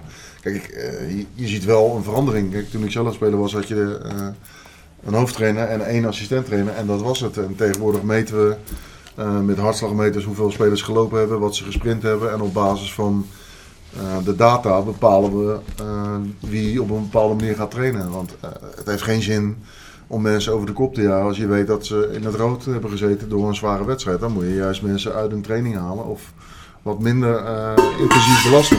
Dat is het voordeel van de tijd waarin we nu leven. Dat we veel meer weten eh, dan, dan, dan vroeger. Want dan ja, weet je gewoon door een trainer over de kop heen gejaagd. Totdat er ergens wel wat kapot ging. En dan ja, schoven die aan de kant en haalden ze weer iemand anders. De kunst nu is om, om zoveel mogelijk fit te houden. En daar hoort ook data bij. Eh, alleen het moet niet doorslaan, vind ik. Wat dat betreft ben ik nog wel een ouderwetse TD, zeg maar. Wie eh liefst s- spelers zelf ziet en zelf in de ogen aankijkt. En niet eh, van, van een videoband of door statistieken. Eh, het moet altijd een combinatie zijn. Mhm. Maar een club als AZ, die heel ver is, eh, ja, die hebben bijvoorbeeld zelfs twee datascouts in dienst. Maar die hebben ook vier, vijf echte scouts die die, die, die statistieken echt checken. En ook gaan kijken, past een speler eh, ook bij onze club? Want kijk, op basis van statistieken kan dat. Maar je hebt ook nog wel een bepaalde houding en, en eh, hoe iemand is als mens. Of die bij de ene club wel past of niet. Ja. Ja, ik denk ook altijd dat het een combinatie moet zijn van beide. hè. Ja. Vind Het is wel behulpzaam, denk ik, hè, tegenwoordig. Dat denk ik zeker. Goed, van de andere kant, het menselijk aspect en echt eh, inderdaad checken wat die statistiek daadwerkelijk is. Dat lijkt me toch ook wel eh, essentieel. Volgend onderwerp, Jeffrey. Rob Tonaar die wil graag weten of een eh, buitenlandse trainer tot de mogelijkheden zou behoren of dat het per se een Nederlander moet zijn. Nou, ik heb het liefst gewoon een Nederlandse trainer. Die gewoon de competitie kent, die de, de club kent. eh, die ook een klein beetje weet wat hier allemaal gebeurd is. Eh, niet dat een buitenlandse trainer niet de capaciteit heeft om een club als Roda te trainen. Maar als je het aan mij vraagt, mijn voorkeur heeft gewoon eh, een, een, een Nederlandse trainer. Ja, van mijzelf ook, wel, moet ik eerlijk zijn. Ja, ja dat, eh, dat kan ik me ook goed voorstellen. We hebben in het verleden hier ook een paar Belgen gehad. Hè? Die natuurlijk eh, ja, dezelfde taal spreken. Mhm. Ja. Met zwaar allemaal Vlamingen. Ja, ik kan me nooit van de indruk onttrekken dat hier een... eh natuurlijk geen toptrainer zijn, maar een Duitser het hier ook goed zou kunnen doen. Hè? Maar ja, dat is waarschijnlijk meer omdat wij aan de grens leven. Omdat we, omdat we denken van... eh, hè? Hiballa had je graag gezien, denk ik dan. Ja, dat weet ik niet. Dat weet ik niet. Dat weet ik niet. Maar... ehm, Nou, Wormoed doet het goed bij Heracles natuurlijk. Is ook een ja, Duitse precies. trainer. precies. Dus ja. Maar ja, je bent fan van Jurgen Klopp natuurlijk. Maar ja, die zal niet snel Ja, naar Roda dat- komen. Ik denk dat we nog een paar jaar moeten wachten voordat Jurgen Klopp weer naar Roda komt. Nee, maar je, je hebt er veel moderne jonge trainers nou ook zitten. Ik denk dat het tijdperk voorbij is. eh, Nou, van dat mensen denken over Duitsers en Duitse trainers. Oh, dat is allemaal maar, eh, dat is allemaal alleen maar karaktervoetbal. Dat is het ook. Maar als je nou kijkt naar eh, wat die jongen met Leipzig doet, Ja. hoe heet die gast ook alweer? Nagelsman. Ja, dat is niet normaal. Ja. Die gast is wat, 34 jaar Ja. oud of zo? Ja. Nee, maar ja, dat is natuurlijk allemaal eh, koffiedik kijken. Want bijvoorbeeld bij NEC dachten ze, we halen die Pepijn Leinders. hè, En dan, eh, Dat is helemaal mislukt. dan keken wij jaloers naar. Van potverdorie, weten ze die jongen te halen. Ja, dat is helemaal niks geworden. Nee. Terwijl hij eigenlijk de rechterhand van Jurgen Klopp was. hè. Ik denk dat het belangrijk is dat je iemand vindt, wat Jeffrey al zegt, die weet waar hij aan begint bij deze Ja. club. En ook zeker iemand die ook een idee heeft van, wat kan ik met deze spelersgroep? Want dat vond ik eigenlijk een beetje ontbreken op een gegeven moment. Hoe Jean-Paul de Jong maar vast bleef houden aan een aantal zaken. Die wedstrijd na wedstrijd gewoon valikant mislukte. Ja. En dan op het moment dat het bijna niet meer om te draaien was, ging die dan opeens met de punt naar achter spelen. Of uh, met de punt naar voren. Of ik, wat die jongens zelf ook zeiden. Ook in deze podcast soms. Ja, op dat moment konden we het gewoon niet meer gedraaid krijgen. En dat is ja, dat, ik vind als je een trainer hebt, ja, ja. Doe een beetje beter kijken hoe je Roland uh, Alberg gebruikt en een paar andere jongens. Hè, dat je dat het meest effectieve gebruikt. Ja, ja. ja. Trainers zijn natuurlijk eigenwijs, hè, dat zagen we wel. Wat ik mijzelf afvraag is of Jeffrey een bepaald idee heeft over wat nou de identiteit van Roda moet gaan worden. Want we hebben bijvoorbeeld vroeger heel vaak, en dat zie ik het liefst, 4-4-2, met een grote spits en een bewegelijke eromheen. En een ruid op het middenveld of zo. En op een gegeven moment ging Roda 4-3-3 voetballen, terwijl we maar één buitenspeler haalden. Ja, heel onduidelijk. Terwijl je volgens mij eerst moet gaan vaststellen van ja, wat willen we nou spelen? En dan ga je daar spelers bij scouten die in dat systeem passen. Maar bij ons is het van links naar rechts en dan ja, er valt geen touw aan vast te knopen. Ja, kijk, de Nederlandse stijl van spelen is natuurlijk altijd met buitenspelers. En ik ben natuurlijk een uh, ex-Ajax-speler, dus ik ben ook zo opgevoed. Um, kijk, dus ik vind dat Roda op die manier moet spelen. Alleen je moet inderdaad wel de juiste spelers daarvoor hebben. En tegenwoordig, uh, kijk, uh, de specifieke buitenspeler à la Piet Keizer. Ja, dat is natuurlijk allemaal aan het veranderen. Kijk, afgelopen wedstrijd heeft Mart Remans uh, voornamelijk als linksbuiten gespeeld. Maar wel in een wat vrijere rol. Dat hij mm. ook in de buurt van de spits mag komen. Want dan komt hij in zijn kracht. Maar ik vind dat er altijd vier spelers aanvallend moeten kunnen denken. En uh, ja, een, een, tegenstander speelt altijd in principe met vier verdedigers. Uh, je hebt nu ook nog de nieuwe tendens dat sommige ploegen zelfs met vijf verdedigers gaan spelen. En mm. kijk, die vier zijn gewoon verantwoordelijk voor uh, die vier verdedigers en die verdedigende middenvelders. Er zal toch iemand achter die rechtsback aan moeten rennen of achter de linksback. Zo denk ik over voetballen. En kijk, het elftal uh, uh, wat ik op mijn netvlies had, wat, wat zo goed was in het jaar dat Ajax Europa Cup won. Ja, dat, dat speelde met Babangida als rechtsbuiten. Dat was meestal mijn tegenstander. Dus ja, die moest je proberen die Sintelbaan op te schoppen, zo snel was die. Ja, want inhouden deed je Inhouden ging niet. En, en, en, had je, en, als, en als je die uit de wedstrijd kwam, Tom McGiran erin. En je had Maurice Graaf en... Aan de andere kant had je uh, Max en Barry van Galen en Van der Leur en Dominique en noem ze maar op. En uh, de Kok, Attenveld, Luipers. Dus ja, zo denk ik een beetje over voetballen. Dat je, dat je de optimale kwaliteit, dat je meerdere systemen kan spelen. Kijk, 4-3-3 kan ook af en toe 4-5-1 zijn of inderdaad 4-4-2. Mm. Uh, maar je moet gewoon eigenlijk alle posities in een elftal proberen dubbel bezet te hebben. Dat je 22 spelers hebt met twee keepers en nog een jong talent nog erbij. Dat je met 25 mensen, want die heb je tegenwoordig nodig. Kijk, die selecties Zoals vroeger dat je met 16 man stond en twee keepers. Ja, dat is niet meer van deze tijd. Of het goed of slecht is, ja, daar kan je over discussiëren met elkaar. Maar ik denk dat het mogelijk moet zijn om een goede mix te maken. Dat je bijna alles dubbel bezet hebt. Uh, en dat je een trainer ook mogelijkheden geeft om een totaal ander type uh, erin te zetten. Of het nou een grote spits en een kleine spits is. Ja, dat is een wezenlijk verschil. Of dat je zegt van nou, we spelen altijd met een grote sterke spits. En buitenspelers wie echt, echt een typische buitenspeler. Of gewoon uh, bij Valken, Valkenburg hebben we bij Aalden bijvoorbeeld in de goede periode heel vaak als linksbuiten uh, gebruikt. Omdat we wisten dat als die tegen Kluiber moest of tegen Svensson, dat we die aan banden uh, werd gelegd, aanvallend gezien. Want er waren backs die heel gevaarlijk waren. Ja, zo moet je kijken. Je moet ook naar een tegenstander kijken van waar is hun kracht en hoe, kan, hoe kunnen we dat uitschakelen. En onze mensen in de krachten. Kijk, als we daar Nasser tegen hadden gezet, tegen Kluiber, ja, dan had Kluiber waarschijnlijk twee of drie goals gemaakt. Maar toen kozen we ervoor. En zo, zo moeten we bij Roda ook, eh, ook gaan denken. En van, eh, van eigen kracht uitgaan. Dat je zegt van oké, okay, Alberg, geef maar een voorbeeld. Is een goede nummer 10, kan scoren, heeft goed schot. Ja, in de omschakeling misschien wat minder. Dan moeten we af en toe uh, zo doen. Dan moet Soeren maar wat harder lopen met, uh, mm. met Klaassen. Zo moet het een beetje zijn. En uh, ja, dan zal ongetwijfeld wel eens een keer een goal tegenkomen. Omdat Alberg te veel risico neemt. Maar dat is dan maar zo. Heb je wel al bepaalde spelers op het oog waarvan je denkt, ja, die wil ik toch echt wel graag hebben komend seizoen? Of is dat een beetje prematuur nu nog? Nou ja, dat is wel prematuur. Uh, om, om maar kijk, ik heb gezien uh, dat er heel veel kennis uh, en, en bekeken is door de, door de scouting. Dus heel veel kennis bij de huidige staf over spelers. Het gaat er nu om met de spelers die er zijn, om die goed te beoordelen. En dan te zeggen van, joh, wat, wat hebben we nou dit seizoen uh, gemist? Nou, wat ik net al aangaf, jongens die opstaan als, als, het, als het slecht gaat, die hebben we te weinig gehad. Dat kan ook misschien door de situatie van de club zijn geweest. En daar moeten we nu naar zoeken, dat het een, een goede mix is van ervaring, eigen jongens misschien wat meer jongens vanuit het westen, zoals in het verleden. Autoveld was natuurlijk niet alleen uh, met voetbalkwaliteiten uh, belangrijk voor die ploeg, maar ook in het vooropgaan in de strijd. Sjen Hansen, wie je net hebt genoemd, ja. Uh, je moet in een elftal af en toe spelers hebben waarvan ze denken van nou, als, ik die tegenkom in het veld, dan ga ik liever even een blokje om. Ehm, dat zal ook moeten gebeuren. Dus het, moet, je moet een aantal stylisten hebben en je moet een aantal vechters hebben. En afgelopen vrijdag heb ik dat gezien. dat het een goede combinatie was van nou, het centrum, dat, dat, stond als een huis. Keeper prima, backs prima. En, en de jongens, de voorwaartsen, die hebben het verschil gemaakt. En, en nu zal het moeten tegen een ploeg wie... Staan ze? Vijfde, zesde staat nou? Ja, zoiets. Moet je dat nu tegen die, die ploeg laten zien. En, en je niet, niet verschuilen als uh, bepaalde speler. Nee, mee eens. Ja, zeker mee eens Rob. Even kijken, we hebben nog Kevin Heuts. Ja, ik wist er zelf niks van, maar hij wil graag uh, weten van jou wat de grap betekent, de klapper van Van As. Nou, kijk, um, ik heb spelers bij NAC gehaald. Die heb ik ook naar ADO toe gehaald, omdat ik weet wat voor karakters dat zijn. En ja. uh, Valkenburg, die ik net noemde, um, buiten het feit dat het een speler is die op meerdere posities kan spelen, is het ook iemand uh, die al lang in, in, het voetballen zit en die uh, netjes is opgevoed. Dus ik val af en toe inderdaad wel eens terug op spelers waarvan ik weet wat ik aan ze heb.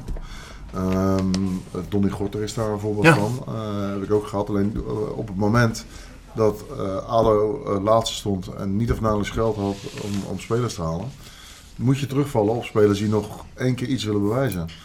En in dat seizoen is bijvoorbeeld Gorter heel erg belangrijk geweest om Nasser naar een bepaald niveau te krijgen. Uiteindelijk is Gorter eruit gegaan en is Nasser erin gekomen. En als we het even op het laatst lastig hadden, kwam Gorter er weer in. Dus dat bedoelen ze met, uh, met de klapper van Van As. Alleen dat, dat komt vanuit, vanuit Breda, vanuit, vanuit NAC. En, en mensen weten niet hoe kritiek toen de situatie was van NAC, dat het echt gewoon bijna op, op omvallen stond. Dat je ook af en toe terug moet vallen op bepaalde spelers waarvan je weet van oké, die gaan het laten zien. Ik ben lang doorgegaan met Leurling, ik ben lang doorgegaan met Kees Kokman. Nee, die hielden NAC gewoon in de eredivisie. Alleen het beeld in uh, Breda was, we zitten met 18.000 mensen in het stadion, wij moeten toch makkelijk linkerrijtje kunnen spelen. Alleen de realiteit financieel was, ja, dat er miljoenen te veel de deur uit gegaan waren. Mm. Mm. Ja, dan moet je terug naar, naar andere spelers, dan moet je terug naar karakterspelers. En ja, maar dat is ook eigenlijk niet meer als logisch. Dat, ja. je, dat, je, dat je sowieso, als je in je netwerk gewoon mensen weet, waarvan je weet, nou die brengt de kwaliteit met zich mee, of dat nou mentaal is of voetbaltechnisch. Ja. Uh, wat we nu nodig hebben, is dat ook niet gek dat je op dat soort mensen teruggrijpt, denk ik. Ja. Ik denk dat dat ook, dat kan als kritiekpunt worden gezien, maar dat kan ook als, uh, als kracht worden gezien, denk ik. Hè. Kijk, Nasser kende ik vanuit de jeugd van, uh, van NAC, tweede helft al. Mm -hmm. Was op dat moment niet goed genoeg. Is toen eerst teruggegaan naar Kozakka Boys, via Kozakka Boys naar Burton Albion in, in Engeland. Toen naar QPR. Niet goed genoeg voor QPR. Daar had ook Dirk Hezen, wie ik aangesteld had als assistent trainer. Ik zeg, joh, hoe, hoe, is zijn ontwikkeling geweest? En dan besluit je met elkaar om die speler terug te halen. Iedereen denkt dat een TD alleen bepaalt welke speler er komt. Maar dat moet breed gedragen worden binnen je club. Dus Dirk uh, Hezen, wie met hem gewerkt had uh, in Engeland, want ik had hem daar niet gezien, die zei van joh, qua uh, trainingsmentaliteit, hoe die is als mens, geen alcohol, hard trainen. Nou, dat, is, dat is ook uitgekomen. Dus dat, dat beslis je met elkaar. Ja. En dan moet je een beetje mazzel hebben mm -hmm.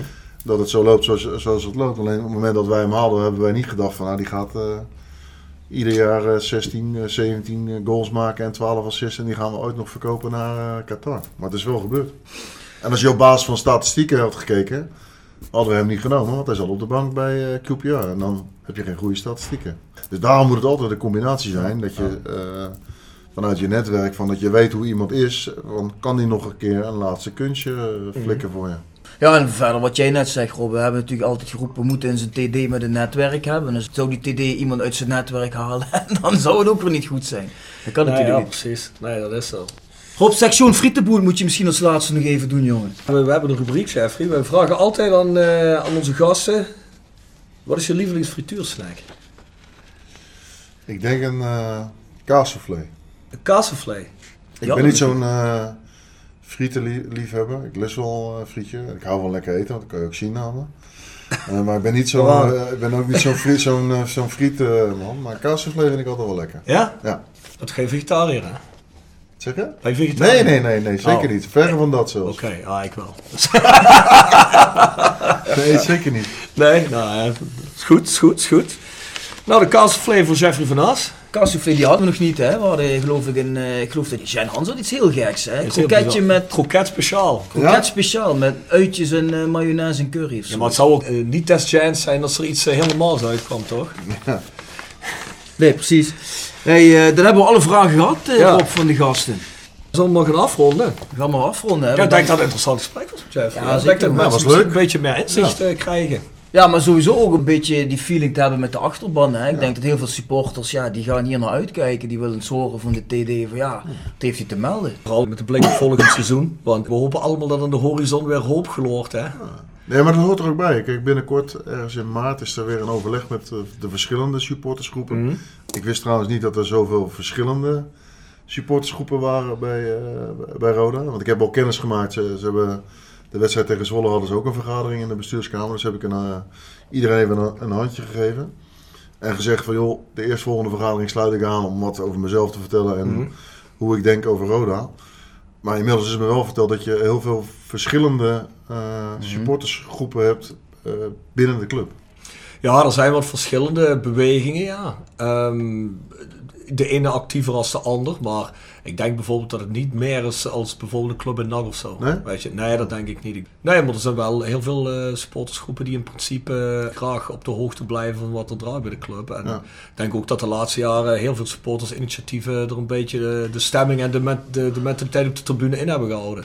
Nou, je hebt ook wel best wel veel geledingen toch wel in en rond de club. Ja, je hebt bijvoorbeeld de supportersraad, je hebt het platform, je hebt de 2.0. Dat zijn allemaal geledingen die toch graag iets te zeggen willen hebben. Ja, dat. Misschien dat Jeffrey dat ook bedoelt. Ja, dat en, je en je hebt een aantal supportersverenigingen, dus best wel...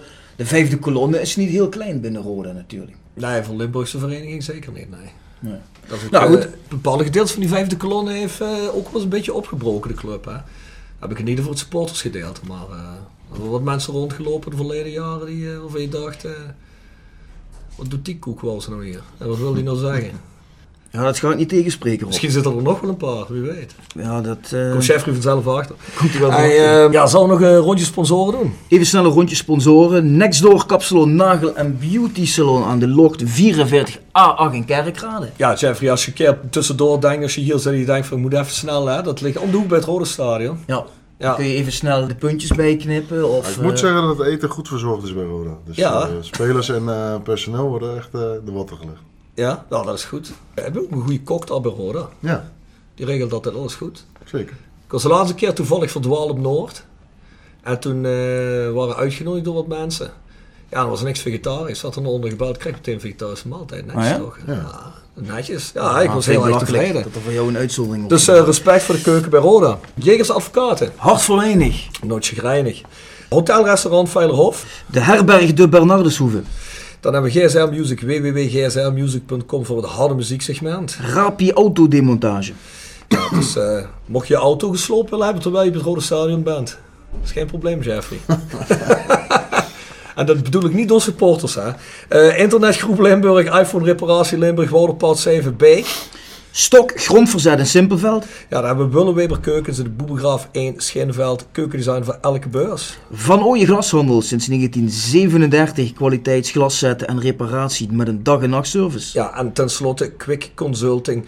Change management voor door empowerment van je medewerkers. En nogmaals mensen, denk eraan. We geven één keer twee tickets weg voor Rode JC Go Ahead Eagles. Dat is voor West of voor Oost. Dat moet je even zelf kijken waar je heen wil. Nou, die wedstrijd is op 29 maart. Ja, hoe kun je de tickets winnen? Komen we nog op terug op sociale media. Ja, het zal wel een leuke prijsvraag worden. Misschien gooien we er ook wel weer een Voice of Calais shirt bij. Wat denk jij, eh, Bjorn?